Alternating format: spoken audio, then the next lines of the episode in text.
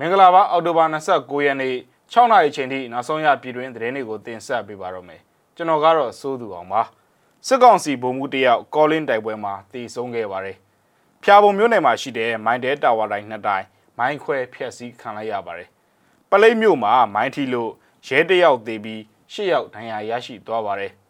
တရုတ်ထိပ်တန်းအာဂါဒတက္ကသိုလ်ဓာတ်ခွဲခန်းပောက်ကွဲမှုကြောင့်2ယောက်တည်ဆုံးခဲ့ပါတယ် အမေရိကန်တရားရုံးချုပ်ကပြည်내တစ်ခုမှာစီထိုးပြီးတေတံစီရင်ခွင့်ကိုပြန်လည်ခွင့်ပြုလိုက်ပါတယ်ဒီအကြောင်းတွေပါဝင်တဲ့နောက်ဆုံးရပြည်တွင်းနဲ့နိုင်ငံတကာသတင်းတွေကိုတင်ဆက်ပေးပါတော့မယ်မန္တလေးတိုင်းဒေသကြီးပလိတ်မြို့နယ်မှာအုပ်ချုပ်ရေးမှုတေဆုံးမှုကိုလာရောက်စစ်ဆေးတဲ့စစ်ကောင်စီဘက်ကလက်နက်ကိုင်တွေကိုမိုင်းခွဲတက်ခိုက်ရာတယောက်တေဆုံးပြီးအရက်သားတယောက်အပါအဝင်၈ယောက်ဒဏ်ရာရရှိသွားတယ်လို့စင်ကိုင်မြို့နယ်ပြည်သူ့ကာကွယ်ရေးတပ်ဖွဲ့ LPDF စင်ကိုင်ကသတင်းထုတ်ပြန်ပါတယ်ပလိတ်မြို့ဝန်ထမ်းကွက်သစ်ရက်ကွက်အုပ်ချုပ်ရေးမှူးဦးအောင်မြင့်ကို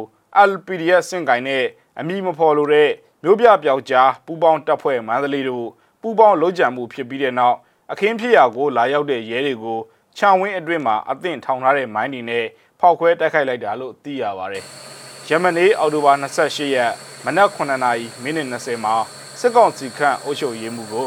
ကာကွယ်ရေးတပ်ကတနက်နဲ့ပြစ်တက်ခဲ့တာပါ။အဲဒီနောက်မှာတော့တနအီကြော်ကြော်မှာစစ်တပ်နဲ့ရဲအင်အားကား၅စီးနဲ့ရောက်ရှိလာခဲ့ပါတယ်။စစ်သားတွေကချံပြေမှာစောင့်နေပြီးရဲတွေကအလောင်းကိုဝင်စစ်တဲ့အချိန်အိတ်အဝင်းလမ်းအောက်မှာထောင်ထားတဲ့မိုင်းကပောက်ကွဲခဲ့တာလို့ကာကွယ်ရေးတပ်ဖွဲ့ဘက်ကပြောပါတယ်။ရဲတယောက်ဆေးရုံအရောက်မှာတေဆုံးသွားပြီးရဲ9ယောက်နဲ့အုပ်ချုပ်ရေးမှူးတူတော်ဆက်သူတယောက်ဒဏ်ရာတွေရရှိသွားတယ်လို့ဒေသခံတွေကပြောပါတယ်။ မျက်မြင်တွေ့ရသူအရက်သားတယောက်ကတော့ဒဏ်ရာရရှိသူတွေဟာစိုးရိမ်ရတယ်လို့ပြောပါတယ်။စစ်ကောင်စီတပ်တွေဟာအုပ်ချုပ်ရေးမှူးရဲ့အလောင်းကိုယူဆောင်သွားပြီးစင့်ကင်ဆေးရုံကနေတဆင့်ရင်းနေမနက်ပိုင်းမှာပဲ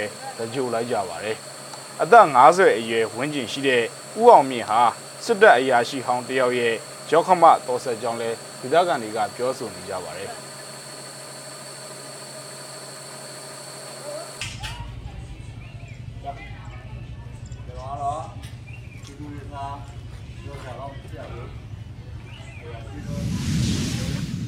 စကိုင်းတိုင်းဒေသကြီးကောလင်းမြို့နယ်အရှိတ်ဘက်ချမ်းကြောက်ပြင်သာရွာနဲ့ကရှင်ကုန်းရွာကြားအောက်တိုဘာ28ရက်နေ့ကဖြစ်ခဲ့တဲ့တိုက်ပွဲမှာဗိုလ်မှူးရဲထွတ်ဦးကြီး43983ညတေဆုံးသွားတယ်လို့ Calling Revolution KR အဖွဲ့ကထုတ်ပြန်ထားပါတယ်။ဗိုလ်မှူးရဲထွတ်ဦးရဲ့အလောင်းကိုစစ်ကောင်စီတပ်ဖွဲ့ဝင်တွေကဖြစ်တယ်လို့မြုံနှံခဲ့တဲ့အတွက် Calling ဒေသခံတွေကပြန်ဖော်ပြီးတော့ကောင်းမွန်စွာတကြိုပေးခဲ့ရတယ်လို့လည်း ဆိုထားပါတယ်။သူ့ရဲ့တပည့်တွေကအလောင်းကိုယ်တော်ဖြစ်တယ်လို့မြုပ်ခဲ့လို့နေကန်တွေကတသက်ရရတကြိုပေးဖို့ပြန်ပြီးတော့ဖော်တဲ့အခါမှာဘုံမူးဖြစ်မှန်းသိရတဲ့အဖြစ်ပါလားစိတ်မကောင်းပါဘူးဘုံမူရေကောလင်းပြည်သူကကောင်းမွန်စွာတကြိုပေးခဲ့ပါတယ်လို့သိရပါတယ်ဆိုပြီးကေရအဖွဲ့ကဆိုပါတယ်မြန်မာပြည်အထက်ပိုင်းကောလင်းမြို့မှာစစ်ကောင်စီတပ်ဖွဲ့ဝင်တွေနဲ့ကောလင်း PDF တပ်ဖွဲ့ဝင်တွေအကြားတိုက်ပွဲတွေနေ့စဉ်ဖြစ်ပွားနေပြီးဂျမနီအောက်တိုဘာ29ရက်ကလည်း ကောလင်းမြို့အရှိတ်ချမ်းဖလဲကျွာနာမှာတိုက်ပွဲဖြစ်လို့စစ်ကောင်စီတပ်ဖွဲ့ဝင်အ ਨੇ ဆုံး25ယောက်တေဆုံးခဲ့ကြောင်း Calling Revolution KR အဖွဲ့ကထုတ်ပြန်ထားပါတယ်။အဲ့ဒီတိုက်ပွဲမှာတော့ Calling PDF ဘက်ကသူ့ရဲကောင်းရဲဘော်3ယောက်လည်းကြာဆုံးခဲ့ရတယ်လို့ Calling Revolution KR ကထုတ်ပြန်ပြောဆိုထားပါတယ်။လက်ပေါ်မတင်နဲ့နော်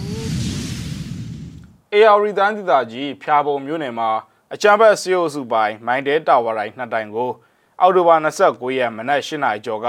မိုင်းခွဲဖျက်ဆီးလိုက်ကြောင်း AR ဘီတာအဖွဲ့ဝင်တယောက်ကပြောပြပါတယ်။ MS16 ရက်ကွက်မှာရှိတဲ့တာဝါတိုင်းကို8:00နာရီ3မိနစ်မှာဖောက်ခွဲခဲ့ပြီးမြေတန်းကျွော်မှာရှိတဲ့တာဝါတိုင်းကိုတော့8:00နာရီ4မိနစ်မှာဖောက်ခွဲဖျက်ဆီးနိုင်ခဲ့ကြောင်းသူကပြောပြပါတယ်။ယမနီဖျာပုံမြို့နယ်ကမိုင်းတဲတာဝါတိုင်းနှစ်တိုင်ဖျက်ဆီးခံရမှုအပါအဝင် AR တိုင်းထဲမှာရှိတဲ့စစ်အုပ်စုပိုင်းမိုင်းတဲတာဝါတိုင်းဖျက်ဆီးခံရမှု15အကြိမ်ထိရှိလာပြီလို့တိုင်းဒေသကြီးအတွင်းမှာရှိတဲ့ပျောက်ကြားတပ်ဖွဲ့တွေရဲ့စင်အရာအသိရပါတယ်။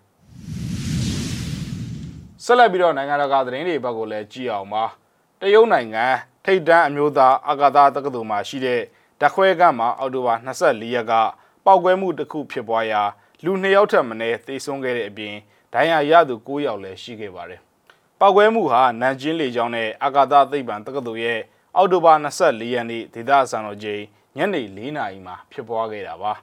မီးလောင်ကျွမ်းမှုဖြစ်ပွားစေတဲ့အဆိုပါပောက်ကွဲမှုဟာဓာရုပေဒသိပ္ပံနဲ့ဒီပညာကောလိပ်အဆောက်အအုံမှာဖြစ်ခဲ့ကြောင်းတက္ကသိုလ်ကအသိပြုခဲ့တယ်လို့အင်ဒီပတ်သက်သတင်းဌာနကဖော်ပြပါရယ်